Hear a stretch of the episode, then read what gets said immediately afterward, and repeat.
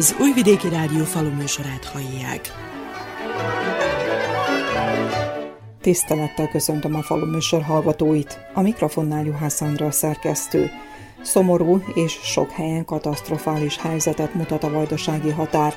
A hónapok óta tartó asszály és forróság már most hatalmas károkat okozott a kukoricán és a szóján, hiszen kukoricánál a megtermékenyítés idejében sem volt kellő mennyiségű csapadék, az azóta tartó asszály miatt pedig sorra égnek meg a növények a határban.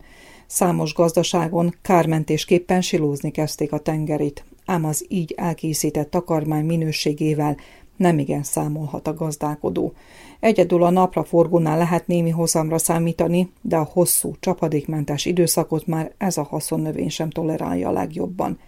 És miközben a termelők, főleg az állattenyésztő gazdálkodók azon gondolkodnak, hogy miként hidalják át az elkövetkező nehéz időszakot, a minisztérium nem keres megoldást a károk enyhítésére. Magyarországon most fogalmazták meg annak az operatív törzsnek a létjogosultságát, amelyik az aszálykárok sújtotta vidék felbecslését követően egy alapot hoz létre, és abból egy meghatározott formula segítségével támogatni tudja a kárt szenvedett gazdákat.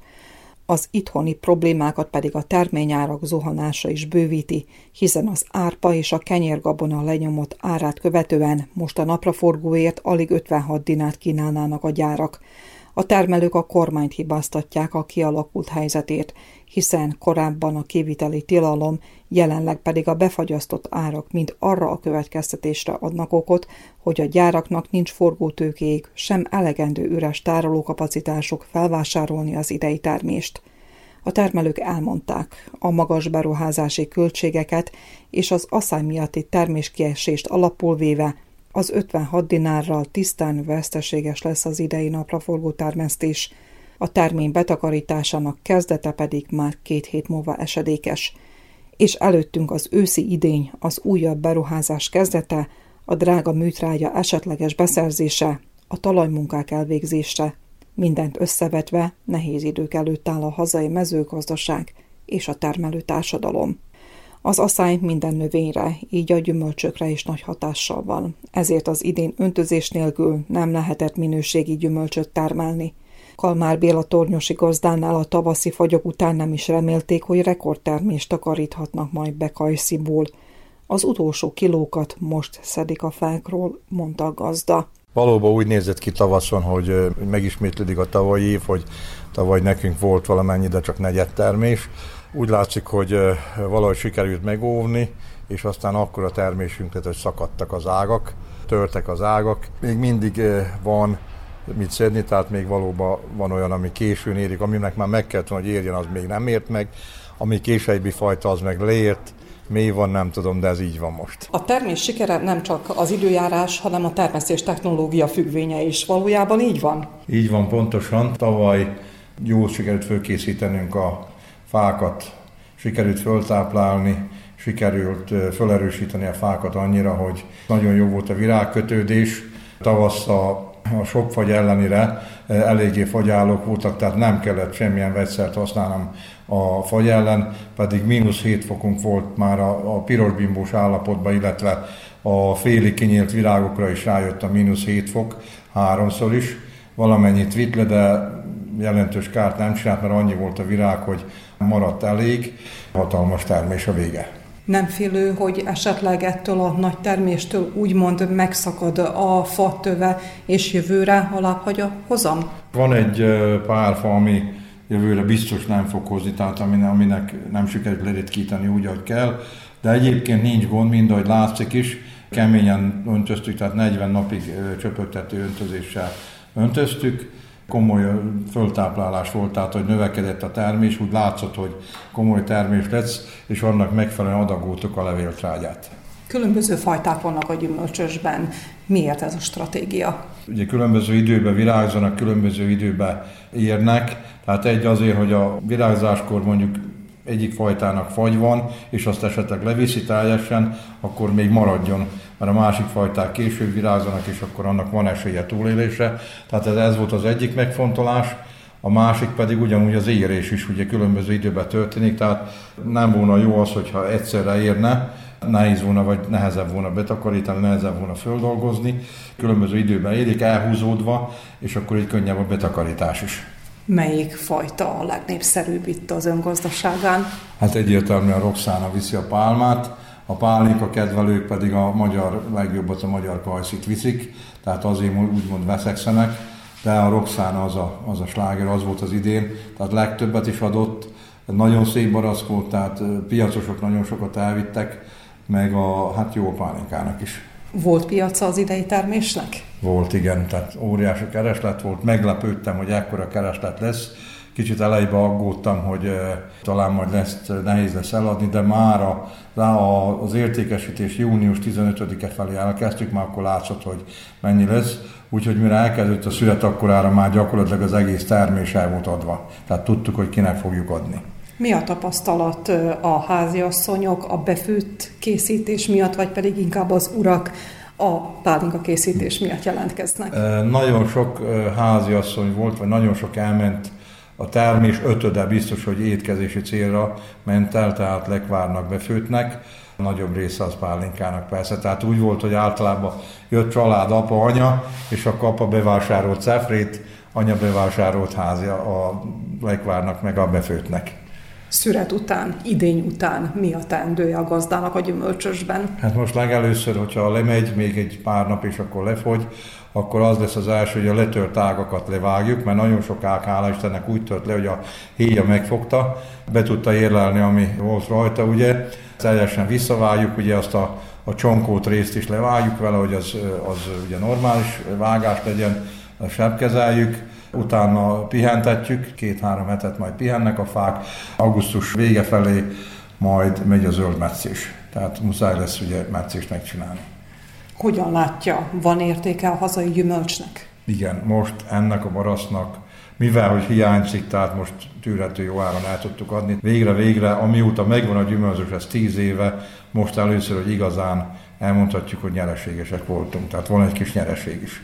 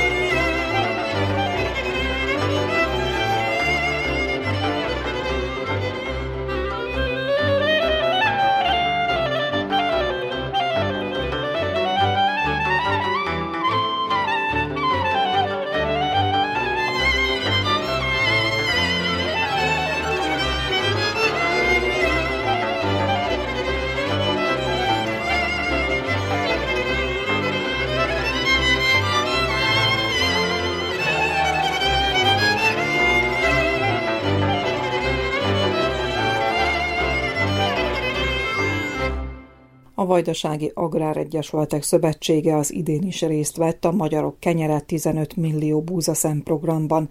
Annak ellenére, hogy vajdaság szerte szerint termést takarítottak be a termelők, a lelkesedés és az adományozás kedve nem lankadt. Mindenki adott, amennyit sikerült elkülönítenie – nagy Miklós a szövetség elnöke köszönetet mondott a nyilvános gyűjtésen július 26-án. Köszönjük szépen az önkormányzatnak, a tartományi képviselőknek, hogy kerültek ide, hogy megnézzék ezt az aktivitást, megnézzék ezt az összefogást, hiszen ebbe teljesül ki a vajdasági magyaroknak az együttléte, az összetartozása, és az itt összegyűjtött buzából pedig vagy a kapott lisztet szétosszuk a gyerekkel foglalkozó szervezetek között. Minden évben a nagy Családosok Egyesületét, a Kolevka Szabadkának gyerekekkel foglalkozik, a Lurkóházak kaptak, és a sérült gyerekekkel foglalkozó különböző intézmények is.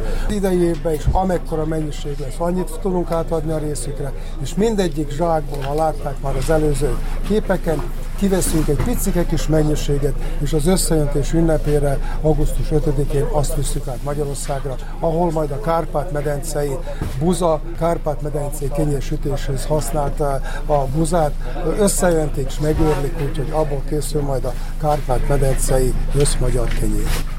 Augusztus 20-a alkalmából a Zentai ünnepségen, Szent István nap ünnepségen mindig ebből a buzából szoktuk a kenyeret kisüttetni, a kis kenyereket is és a nagy kenyeret is. Bízunk benne, hogy az idei évben sikerül megoldanunk a nagy kenyernek a kisütését, hiszen azért már olyan pékséget találni, aki akkor a kenyeret tud sütni itt Vajdaságban, nem éppen egyszerű dolog. De dolgozunk még rajta.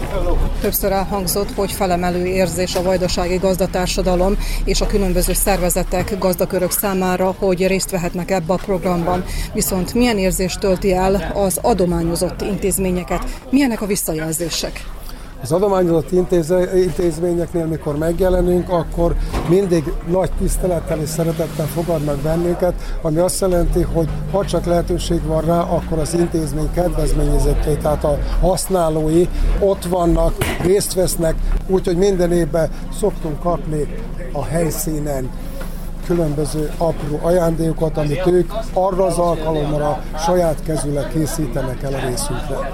És azt is hozzá kell tenni, hogy ennek az akciónak oktató, nevelő jellege is van, hiszen itt van a felnővő generáció, akik szüleikkel, illetve nagyszüleikkel érkeztek az adománygyűjtésre. Így van, ezt a szempontot is szabad elfelejteni, hiszen a gyerekek azok mindig a szülőktől, nagyszülőktől kapott példán tanulnak, és az a legjobb oktatás, amit a gyerekek nem is hogy rákényszerítve, hanem példán keresztül elsajátítanak, magukévá tesznek, és utána majd ők fogják később folytatni ezt. Világos Tibor elnökségi tag az adai körzetben sikeres gyűjtést tapasztalt. Az idei évet ismerve, az asszályos évet, kevesebb buza adományra számoltunk, legalábbis ami a községet illeti, és már azt tudjuk mondani, hogy sokkal-sokkal több adomány jött össze. Az előző évekhez viszonyítjuk, a termelők is többen adtak össze. Ugye ez minden évben változó volt, van, aki az idén nem adott, van, aki, vannak viszont újak, vannak pénzadományok is, de mindenféleképpen jó eső érzés az, hogy több adomány gyűlt össze, ha bár a gazdáknak a maga a termés praktikusan megfeleződött.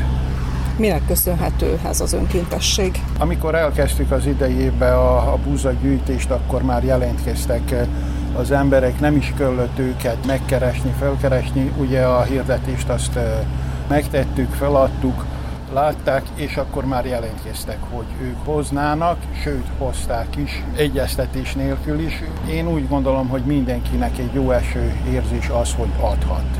És a pozitívum ebből, hogy tudják, hogy olyan helyre megy, ahol jó helyre kerül az egész adomány.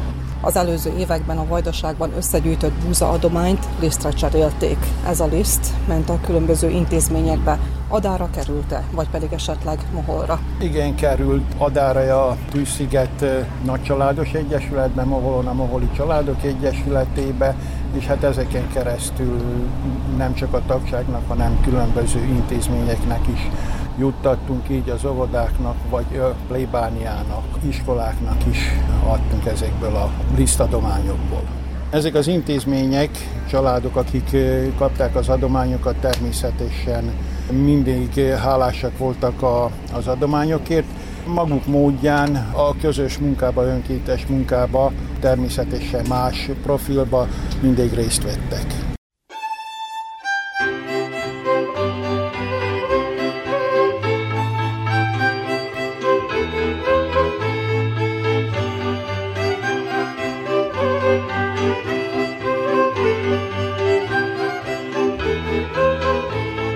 A falugazdászok minden körzetben kivették a munkájukat, lelkesedést és örömet tapasztaltak valamennyi gazdálkodónál. Fekete Andor Bács, Feketehegyi, Csóti Imre Székelykevei, Útot Nóra Törökkanizsai és Baloganita Palicsi falugazdász osztja meg tapasztalatát a széleskörű gyűjtésről. Kishegyes község már évek óta, gyakorlatilag a program kezdete óta lelkesen adományozzák erre a jótékony célra a buzát. Az idei évben és mint minden évben most is közel fél tonnával járultak hozzá a Kishegyes és a Bács Fekete egyi gazdák. Számunkra ez nagyon fontos, hiszen nem csak ugye az összetartozás erejét jelképezi, hanem tisztában vagyunk, hogy egy olyan jó célra szánjuk ezeket az adományokat, amik mondjuk a község községben is, mint Kishegyesen a Nagycsaládosok Egyesülete, illetve Bács-Feketehegyen a Izida Gyermekvédő Egyesületnek a tagjai fogják ezeket kapni, és ők fogják ezt a felhasználni későbbiekben a lisztet. Köztudott, hogy az idén sokkal szerényebb termést arattak a gazdák vajdaság szerte, mint előző években. Ez nem rendítette meg esetleg a hozzájárulásokat a programhoz? Igaz, hogy gyengébb évet tudtak zárni a gazdák, mostoha körülmények voltak a buzatermésre, de a lelkesedésüket ezt nem csüggesztette. Egyedül azt mondom, hogy valamivel kevesebb adományt tudtak biztosítani, de adtak. Milyen érzést tölti el ilyen esetekben a falu gazdást, amikor látja, hogy nehéz körülmények között is, de összefognak az emberek. Ez egy nagyon jó érzéssel tud eltölteni, hiszen itt nyilvánul meg, itt látjuk azt, hogy ha bajban is egymásra tudunk számítani, és ez egy nagyon jó érzéssel tölt el. Én nagyon is meg vagyok elégedve ahhoz képes, hogy már elhangzott, hogy első évben először gyűjtünk, szép adományt gyűjtöttünk ezt a 300 kila négy gazdától. Abba bízunk, hogy ha minden úgy menjen, ahogy kéne menjen, és a Jóisten megengedi, akkor jövőre bízunk, hogy több lesz összegyűjtve. Milyen érzéssel tölti el a falu gazdászt, amikor ilyen programokról és összefogásról van szó? Hát mikor a magyar kenyéről van szó, akkor nagy örömmel is csináljuk, és tudjuk, hogy eredményes is lesz az, mert különben ez egy tiszta, onnan én az legdélibb részi laktanya, tiszta magyar laktanya, ahogy mondják, egy kis szigetről, mikor egy ilyen akcióba belé felszólítanak, felkeresnek bennünket, hogy tudják, hogy ott is vannak magyarok, akkor nekünk az még nagyobb, nagyobb érzés. Egyébként milyen aratás zártak Bánátban a gazdák?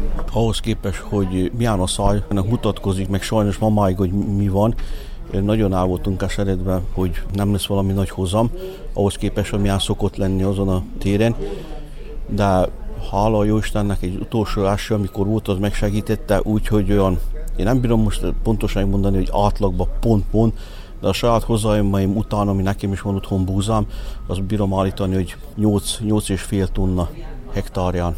Még valakinek 9, persze ez van, akinek sokkal kicsibb, de eléggé jó ahhoz képest, amilyen időjárás indult még, hogy mutatkozott.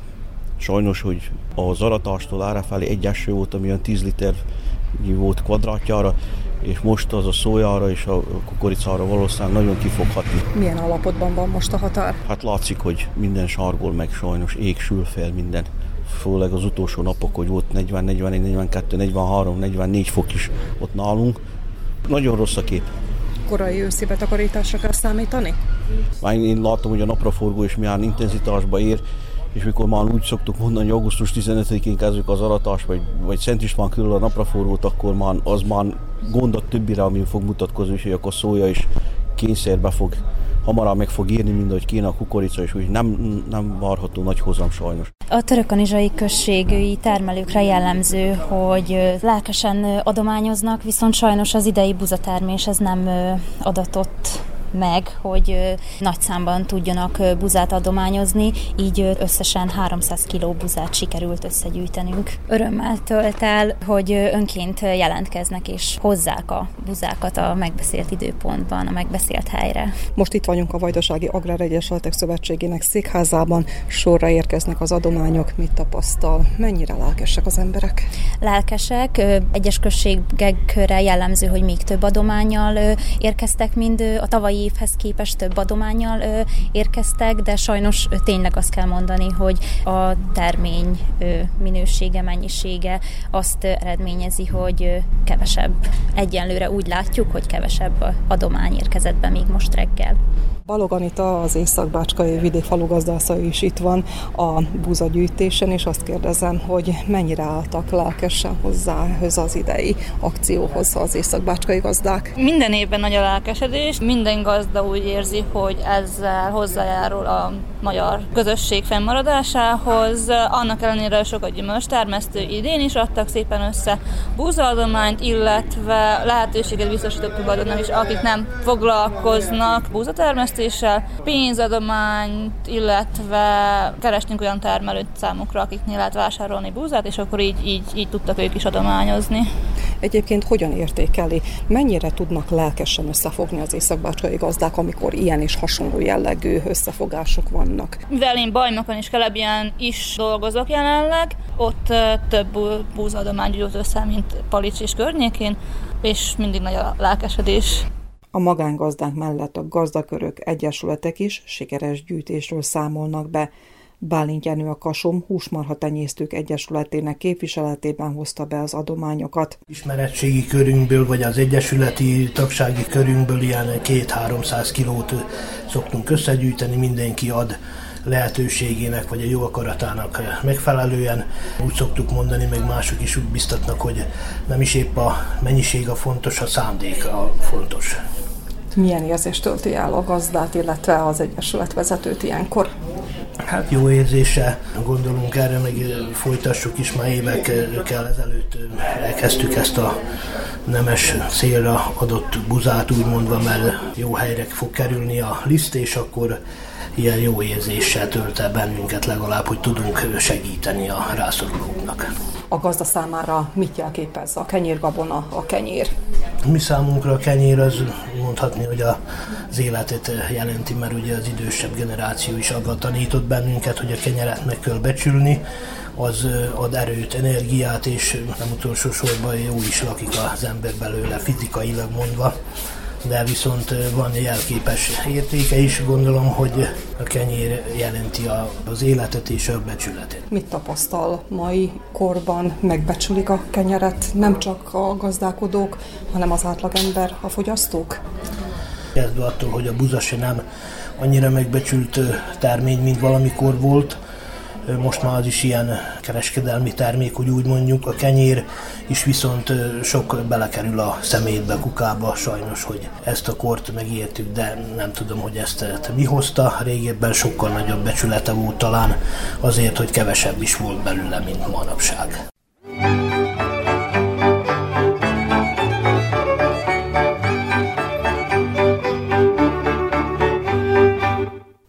Elhangzott, a búzagyűjtésnek és az önkéntes adományozásnak oktató-nevelő jellege is van, hiszen a fiatal gazdálkodók gyermekei is szívesen hozták be a saját adományaikat. Fajka Dániel zentai termelő fontosnak tartja gyermekeit megtanítani a hagyományokra. Hát ez egy fontos dolog, amit időben el kell kezdeni, én azt mondom. Én a mi munkánkban is azt vallom, hogy nem 18-20 évesen kell munkához szoktatni őket, vagy ehhez a szakmához úgy mondom, hanem már kiskorán meg kell vele szerettetni, mert az már nagyon későn van, hogyha akkor kezdenek hozzá, mivel ők jönnek dolgozni, és amennyire lehet, meg jönnek a traktorba is. Ez így van ezzel az összetartozással is, meg a magyarság összetartozásával is, hogy ezt a kiskorban kell már nevelni beléjük, mert később talán késő lesz, vagy én szerintem késő is van.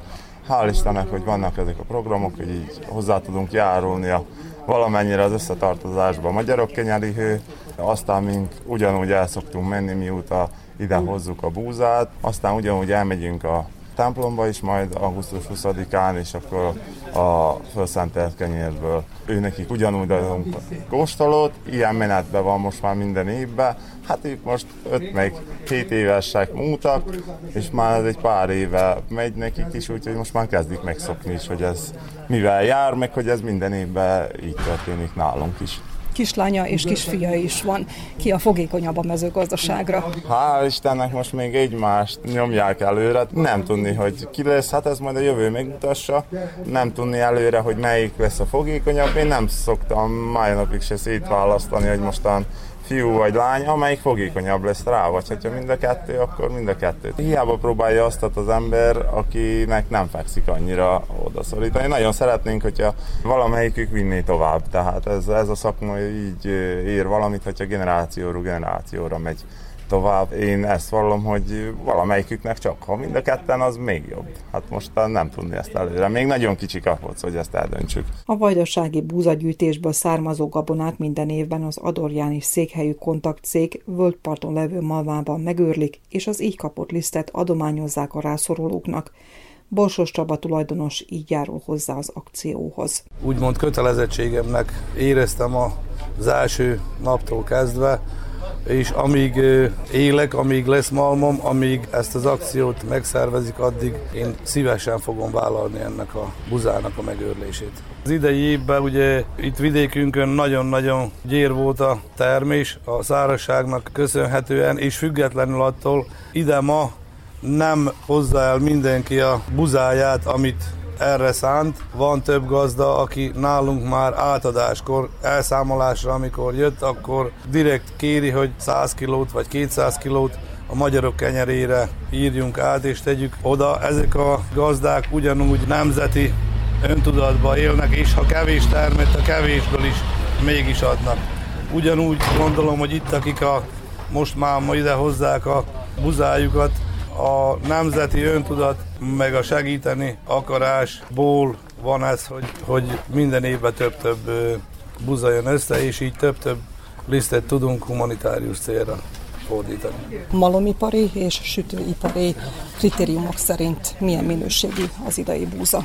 Kiváló minőségbe lett betakarítva, ezt kell, hogy mondjam, ugyanis az átvett mennyiségnek a több mint fele az, az javító buza, olyan 30% körüli az pedig malmos sütőipari, és mindössze csak egy szűk 20%-nyi az a mennyiség, ami, ami takarmány buzának felel meg. Részben köszönhető annak is, hogy itt mi már ugye évek óta a minőség szerint vásároljuk fel a gabonát, és a jobb minőségű buzáért a gazda többet kap, és eleve már olyan fajtákat is vetnek, amelyik kenyérgabona minőség vagy javító minőséget tud produkálni. Még egy érdekesség az idei aratásból, hogy a, ez a kevéske, ugye, ami termett, a, a kombályok szinte mindegyike úgy cséplődött a buza, hogy szinte szemét nélküli, tört szem az pedig az idei évben nem éri el a fél százalékot se. Nagyon-nagyon sok olyan buza jött be, amelyikben egy szem sincsen eltörve, ami mondjuk rá ebbe az évben nagy pozitívumnak számít. A nyilvános gyűjtésen jelen volt Útot Robert, tartományi mezőgazdasági titkárhelyettes, aki kifejtette, hogy a pályázatokkal igyekeznek segíteni a gazdálkodóknak,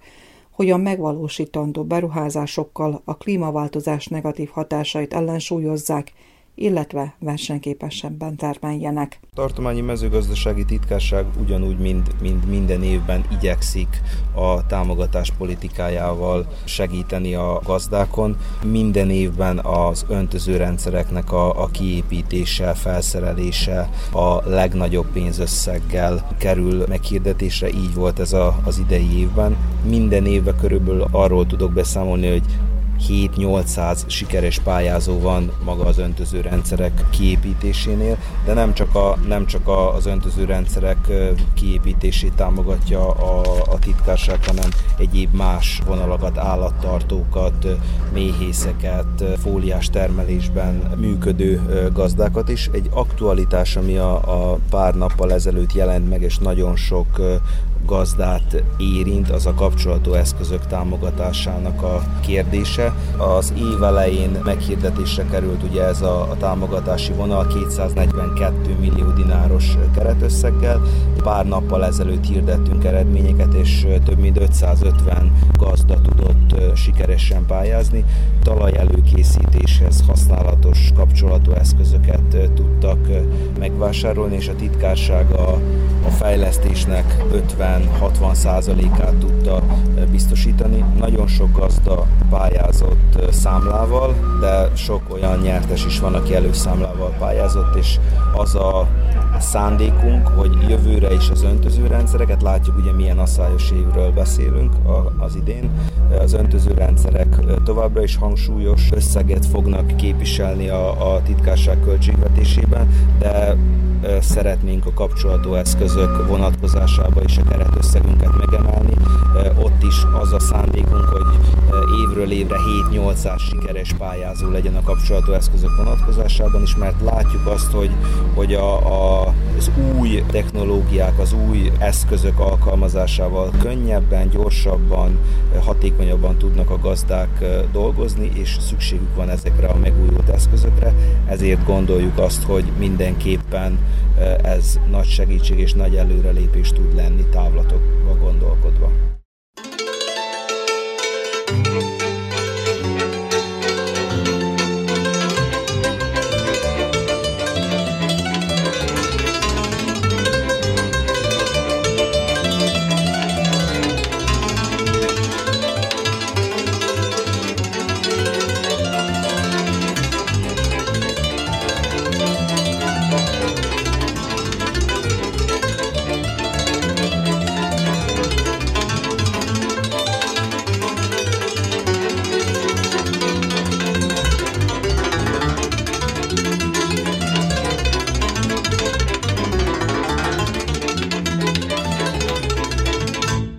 Műsorunk folytatásában méhészeti témával foglalkozunk, ugyanis augusztus 1-én kezdődik az új méhészeti év, amikor összegeznek a termelők és készítik fel a családokat a téli időszakra. Török Attila és felesége Erzsébet 30 éve járják a vajdasági mélegelőket, termelik a minőségibbnél minőségibb mézeket, és mint mondják, ezt az életformát nem cserélnék le semmire. Valójában egy életforma. 20 éves koromban megnősültem, nem gondoltam, hogy méhész lesz belőlem, de egy kicsit kényszerhelyzet volt azok a háborús időszakban, apám és szülők foglalkoztak méhészkedéssel, és kaptunk 50 család méhét, egy méhes kocsit valójában a feleségemmel, ilyen hozományként, és akkor így automatikusan elkezdtünk méhészkedni, ebből próbáltunk megélni, akkor tehát szegény világ volt, ebből próbáltunk megélni, és akkor ez kinyőtte magát, így professzionális méhészek vagyunk most már, így felfejlődtünk előttünk. Milyen párhuzamot tud vonni a 20-25-30 évvel ezelőtti és a mostani méhészkedés között? Kicsit elszegényedett a környezetünk, többet kell vándorolni, hogyha mézet akarunk termelni, az eladásra nagy hangsúlyt kell fektetni, mint másba is egy kicsit magasabb szintre kell emelni az eladást is, úgymond a termelést is. Minden kis részletre figyelni kell, viasztermelés, propolis, virágpor termelés, hogy az embernek bezáruljon a kör, hogy az a bizonyos havi bevételei meglegyenek. A technológia változott-e az elmúlt évtizedekben? Konkrétan a méhészkedéssel kapcsolatban a méhek világa nem változott. A méhek ugyanazok, most így a technológiában, hogy az ember gépesít egy kicsit komolyabb gépeket, korszerűbbeket szerez be, hogy könnyítsen saját magán, gyorsítsa a műveletet, a munkát, ez, ez igen, ezt követni kell, úgyhogy ilyesmire szükség van a befektetni a gép, gépekbe. Úgy mondják a növénytermesztésben, hogy megtermelni nem nehéz, hanem értékesíteni nehéz a terméket, viszont a méhészetnél esetleg ez fordított viszonyban van? Hát majdnem azt mondom, hogy igen, fordított viszonyban. A mézre óriási kereslet van, nagyban eladásra is, meg hát saját fogyasztásra, mint vásárlók, mint fogyasztók, hogy vásárolják a mézet. Nem divatos terméknek mondanám, de az emberek rájöttek a mézfogyasztásnak az előnyeire, szükségességére, úgyhogy kereslet van rá, a termeléssel vannak egy kicsit gondok, az véget, mert mert hát többször hangsúlyoztam már ezt, hogy elszegényítsük a környezetünket, tönkretesszük a fakivágásokkal, az erdőben való rendrakással, árokpartok, folyópartok, mindenütt rendet akarunk rakni, tartani, és az bizonyos írtásokkal jár. Tönkretesszük a környezetet. És ilyen körülmények között akkor hol találja meg a professzionális méhész a kielégítő jó mélegelőket? Hát próbálunk vándorolni, Truskagóra egy nemzeti parkot, még lehet mondani, hogy bizonyos részei érintetlenek, és akkor oda vándorolunk, vagy a Duna partján keresünk olyan helyet, ahol még az ember nem nagyon hagyott nyomot maga után, fakivágások, stb. Meg hát a határ mentén itt a Szabadkai homokpusztán, a északon, a magyar határhoz közel, ez mondjuk egy érintetlen terület, a határ mindkét oldala is, akkor itt gazdag növényzet van. Sok friss virágpor biztosító növény található a munkája, pályafutása folyamán milyen nehézségekkel szembesült? Mindig vannak gyengébb évek, hogyha azt nehézségnek lehet mondani. Kis lépésekbe fejlődtünk, úgyhogy a nagy bukták nem voltak számunkra, mert hát befektetni, mindig keveset tudtunk befektetni önerőből, amennyit tudtunk, és akkor kis lépésekkel, de fejlődtünk folyamatosan. Azt tudom mondani itt 30 év távlatából. A pályázatokat nem vették számba? Hát a Prosperitátnál ott igen, ott pályáztunk, sikeresen is nyertünk, az egy nagy lépés volt számunkra az egy nagy segítség volt. Konkrétan egy konténer, mert a, a gépeinket azt korszerűsítettük egy kicsit. Magasabb, nagyobb kapacitású gépeket vettünk és korszerűbbeket, mint am, amik voltak az elmúlt évek előtt. Egész évben több méleg előre viszik a méheket, ez azt jelenti, hogy több fajta mézet sikerül pörgetni a kaptárokból. Mikor döntött, hogy fajta mézet, vagy pedig vegyes mézet termel és kínál fel a piacnak? Hát amikor mi elkezdtünk mélyszkedni, ezt említettem már, hogy ezt a szülőktől vettük át, és a technológiának is egy részét onnan vettük át, ők már vándormélyszkedéssel foglalkoztak. És akkor vándoroltak nagyjából azokon az útvonalakon, amit most mi járunk, úgyhogy ez onnan hagyományosan belénk szívódott, hogy vándorlás nélkül nem lehet, és hát így adott a fajta mézeknek a termelése is, mivel vándorolunk. Szokott lenni leginkább akácmézünk, szokott eladásra lenni hársmézünk, vegyes virágméz, napraforgó az kisebb mennyiségbe, vagy esetleg volt már rá példa, hogy repcére vándoroltunk állományunknak egy részével, és akkor repceméz. Hát változó, ez, ez évjárattól is függő. Sejen fűmézünk is volt már, évjárattól függ. Beszélgetésünk folyamán éppen említettük a nehézségeket, és Török Attila méhész azt is kifejtette, ugye, hogy pont a különböző területrendezéssel, telekrendezéssel a környezetünket megsemmisítjük, és a méhektől elvesszük a természetes legelőket. A mezőgazdaságot az egyik legnagyobb környezetterhelő ágazatként tartják számon, hiszen számtalan a különböző vegyszereknek a lajstroma, ami kikerül a természetben hogyan küzdeni a permetezések ellen, hogyan szót érteni a gazdatársadalommal, vagy esetleg a rendeletekkel, hogy azért méhek nélkül élelem se lesz négy év múlva. Nehézkes ez a dolog, mert hát a parasztoknak, a mezőgazdasági termelőknek, ő nekik érdekükben van a növényvédelem. Különféle mérgeket használnak különböző mennyiségekbe, ez embertől változik, de mi próbálunk elmenekülni azokból a környezetekből olyan helyekre, ahol kevesebb szórás van, kevesebb mérget használnak. Ez az egyik. A másik pedig, hát most azt is mondhatnám, hogy pozitívan tapasztalom itt az elmúlt két-három évben, hogy talán egy kicsit észszerűbben is használják ezeket a mérgeket, hogy egy kivilágosodás következik, vagy nem tudom minek tudható be, de a még mérgezések száma mintha csökkent volna tapasztalatom szerint az utolsó néhány évben. Volt egy időszak, amikor nagyon sok mérgezésről lehetett hallani, most ez megint az embereknek úgy látszik, hogy egy kicsit a, eljutott az emberekig, hogy egy kicsit korlátozzák, vagy jobban odafigyeljenek a mérgek mennyiségének, meg a hogyan használatára bár a méhész jövőképe mindig a jó pergetésben van, mégis ami a gazdaságot illeti, lehet-e fokozni, lehet-e növelni esetleg az állományt? Hát most konkrétan abban a helyzetben vagyunk, hogy így kettesben maradtunk, a gyerekek elmentek külföldre, ott találták meg a egyenlőre a jövőjüket, a bevételi forrásokat, fizetésüket, úgyhogy kettőnkre ez most majdnem úgy érzem, hogy ez a maximum, az a 200 kaptár méha, amit ketten így munkás nélkül el tudunk végezni, úgyhogy itt most korszerűsítésről nem nagyon beszélhetünk, egyelőre az állományunkat növelni nem tudjuk. Hát esetleg a fiunk, hogyha hazajön, még Magyarországra, akkor ezt át tudja venni, itt kompletírozva van minden, és ha hazajönne, akkor tudnánk még rátenni egy lapáttal, esetleg bővíteni az állományunkat. Török Erzsébettel folytatom a beszélgetést. Örökös dilemma, örökös kérdés az, hogy egy családi gazdaságot, így a méhészetet is, amit az ősök fölépítettek, hogy a jövő generáció folytatja-e ön, mint tapasztalt méhész, mit lát? Vajdaságban mennyire népszerű a méhészkedés? Mennyire vállalkoznak a fiatalok? Mennyire szeretnék továbbvinni ezt az életformát, ezt az ágazatot, ezt a hivatást? Nem túl jellemző az, hogy a fiatalok vállalkoznak a méhészkedésre. Nagyon kevés olyan fiatalt láttunk, vagy ismertünk meg, aki saját maga kezdte el az egész méhészkedést. Inkább az a jellemző, hogyha fiatal méhészet találkozunk, aki már belecsöppent a családi méhészetbe, vagy akár a nagytatától látta, vagy annak a kaptárjait kezdte újra szaporítani, ugye? Nem mondanám, hogy jellemző. Pedig az utóbbi időben számos pályázás és pályázati lehetőség van, amit kihasználhatnának a fiatalok. Ez nem elegendő? Úgy látszik, hogy nem elegendő, mivel azért a méhészkedésbe befektetett pénz az lassan fordul meg. Szerintem mai fiatalok már az internet által nagyon sok információhoz jutnak, és pontosan tudatában vannak az, hogy ugye egy bizonyos befektetés hogyan térül meg, mik a kockázatok. Itt a méhészetben, mivel nagy a kockázat, ugye ennyire ki vagyunk téve egy az időjárási hatásoknak, a másik meg ugye a mérgekről, amiről olyan sokat beszéltünk, ugye a mezőgazdasági termelésnek.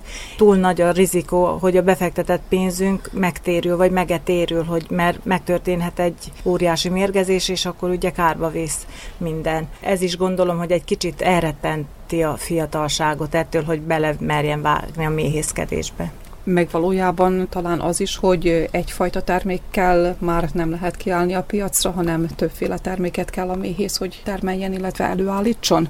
Elég összetett lett, ugye, meg az eladáshoz is, oda is nagyon sok idő kell azért, hogy bejáródjon egy méhész, vagy bármi más termékkel, és akkor ugye mire a palettát, a csomagolást, meg mindent, mindent bebiztosít magának egy kezdő méhész, gondolom, hogy nagy befektetésre lenne szükség, hogy meg tudjon jelenni a piacon, a mézét eladni. Én se olyan bátran vágnák bele. Önöknél milyen a termékpaletta?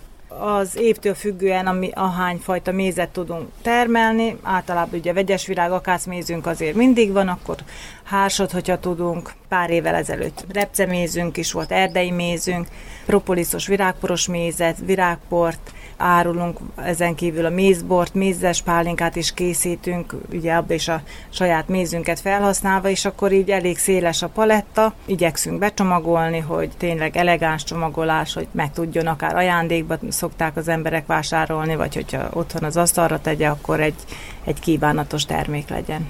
Mennyire volt körülményes ezekkel a különleges termékekkel megnyerni a fogyasztóknak az ízlését, illetve a bizalmát? A kóstoltatáson nagyon sok múlik, vannak bátortalan emberek, akkor őket meggyőzni, hogy te csak nyugodtan tessék megkóstolni, elmesélni, hogy a méz mire gyógyhatású, miért jó fogyasztani, ugyanúgy a propolis, virágpor hatásait, tehát ezeket a dolgokat azért jó, hogyha tudjuk. Ugyanúgy a mézbor például azt ilyen rendezvényeken tudjuk inkább árulni, mivel ott kóstoltatni van rá lehetőség, és akkor amikor megkóstolják, látják, hogy megérzik, ugye, hogy finom megtapasztalják, akkor, akkor már nincs akadálya a vásárlásnak. De ha csak látja üvegben meg, hogy rá van írva, hogy mézbor például, vagy hásméz például, és teljesen másképp hat rá, mint amikor meg tudja kóstolni. Lehet-e bővíteni a termékpalettát az ötleteknek a tárháza esetleg a csillagoség? Hát ez pontosan így van, a csillagoség lehetne bővíteni, rengeteg ilyen házi receptek vannak, és az emberek jönnek és kérdezik, a szezámmagos méz jutott hirtelen eszembe, ugye a gyömbére, stb. stb. méz. Mi ezeket azért nem készítjük, mert nem tudunk felkészülni, hogy, hogy az, az biztosan eláll, a szavatosságát megőrizze, mi még azt el tudjuk adni, meg akkor utána már, hogyha túl sok a, az árunk, akkor nem tudjuk lekövetni ugye a csomagolás, stb stb. És akkor azt szoktam javasolni, hogy hát ez a vegyes virágméz kiválóan remek, úgyhogy ebbe bármilyen gyógynövény még plusz bele lehet keverni, úgy házilag, és akkor így szoktam a, a vásárlójaimat buzdítani a vásárlásra. Önnek melyik a kedvenc terméke? nekem mindegyik. nem, nem tudnák választani, nagyon, nagyon örülünk mindig, hogyha amikor pergetünk, megkóstoljuk ugye az új mézet, friss mézet, minden évben valami pont a legjobb benne a tavalyihoz képest, de nem mondanám, hogy van külön mézfajta, amit kedvelek. Mézbor ugye az, az, amikor vendégeink vannak, az méz szívesen fogyasszuk, mézes pálinkát megkínálni a vendégeinket, úgyhogy mi minden termékünket használjuk egyformán.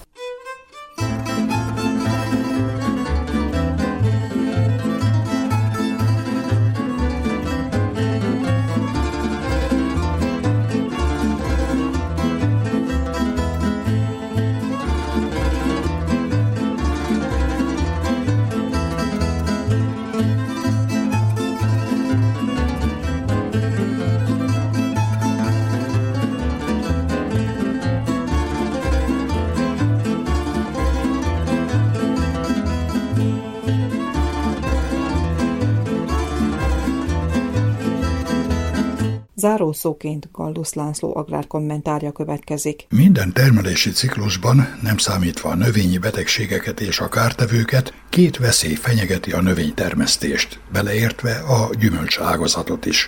A szárassággal párosuló pokoli hőség és a jégverés. A gazda a természettel vívott harcból egyetlen összecsapásból sem került ki még győztesként.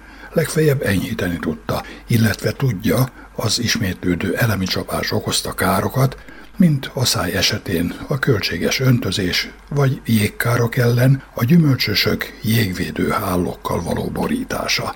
A klímaváltozás, az ismétlődő aszályos évek úgymond feladták a leckét az agrártudománynak, a növénynemesítőknek és a gépgyártóknak egyaránt, hogy asszály és stressztűrő növényeket illetve talajkímélő és nedvesség megőrző technológiára alkalmas gépeket biztosítsanak a gazdáknak.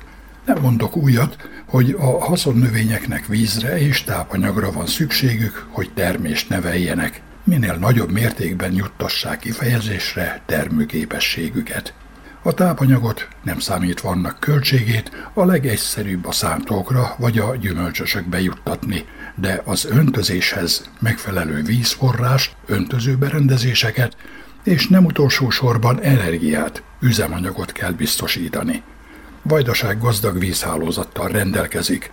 A csatornákból, persze ha fel lennének töltve vízzel, a termőterület egy harmadát öntözhetnénk, ami nem kevesebb 550 ezer hektárnál, ám köztársasági szinten is ennek a területnek csak 10%-án üzemelnek öntözőberendezések.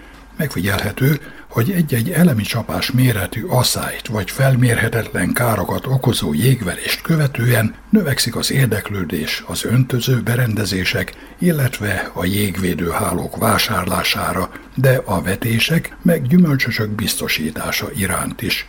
Megsüvegelendő, hogy a szaktárca meg a tartományi mezőgazdasági titkárság is jelentős támogatást biztosít öntöző berendezések és jégvédőhálók vásárlására, és ezzel a lehetőséggel élnek is a gazdák. A növénynemesítés a stressz és asszálytűrő haszonnövények nemesítése irányába halad. Ez azonban nem azt jelenti, hogy víz nélkül is jól megélnek az újabb nemesítésű fajták és hibridek, hanem a rendelkezésre álló nedvesség optimális kihasználását a tenyészidő során.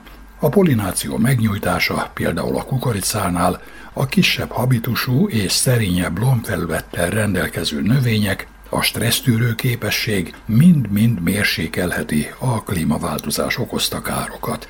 Néhány évvel ezelőtt az aszályos évek ismétlődésével a szakma hangsúlyozni kezdte az őszivetésű haszonnövények területének növelését lévén, hogy ezek a kalászos gabonák és a káposztarepce jól hasznosítja a téli csapadékot, és még száraz tavasz esetén is van annyi nedvesség a talajban, hogy abból úgymond megél a növény mindaddig, amíg nem érkeznek meg a tavaszi esőfelhők. Azonban a szerény terület növekedés sem a téli nedvesség hasznosítása és a várható stabil hozam generálta, hanem a kedvező felvásárlási ár – és mint már olyan sokszor beigazolódott, a 2021-22. gazdasági év is megerősítette, hogy a tavaszi csapadék élteti igazán mind az őszi, mind a tavaszi vetésű haszonnövényeket. Nem véletlenül született a népi bölcsesség, mely szerint a májusi eső aranyat ér, hiszen abban az időszakban indulnak intenzív növekedésnek a tavaszi kapásnövények, a kalászos gabonák és a káposztarepce pedig a szemképződés és a szemtelítődés fenofázisába érkezik, amikor a nedvesség igenis meghatározója a jó termésnek. A tavaszi vetésnél a korai vetésidő, valamint a korai éréscsoportú fajták meg hibridek termesztése jelenthet némi termésbiztonságot. Külön téma lehetne a talajművelés és a talajtakarás. Sokan a talajművelés nélküli termelésben látják és keresik az aszályjal szembeni megoldást, megfeledkezve arról, hogy Amerikában nem csak a termelési költségek csökkentése és a szélsőséges időjárás okozta károk kiküszöbölésére hódított a mintil és a nótél technológia, hanem a termőréteg követelte a technológiai változást. Annyi bizonyos, hogy a hagyományos művelési móddal és az elterjedt haszonnövényekkel csak vesztese lehet a mezőgazdaság a klímaváltozásnak. Ha szerényebb is, de talán biztos jövedelemszerzésben a szerkezetváltás kínál megoldást, de erről legközelebb.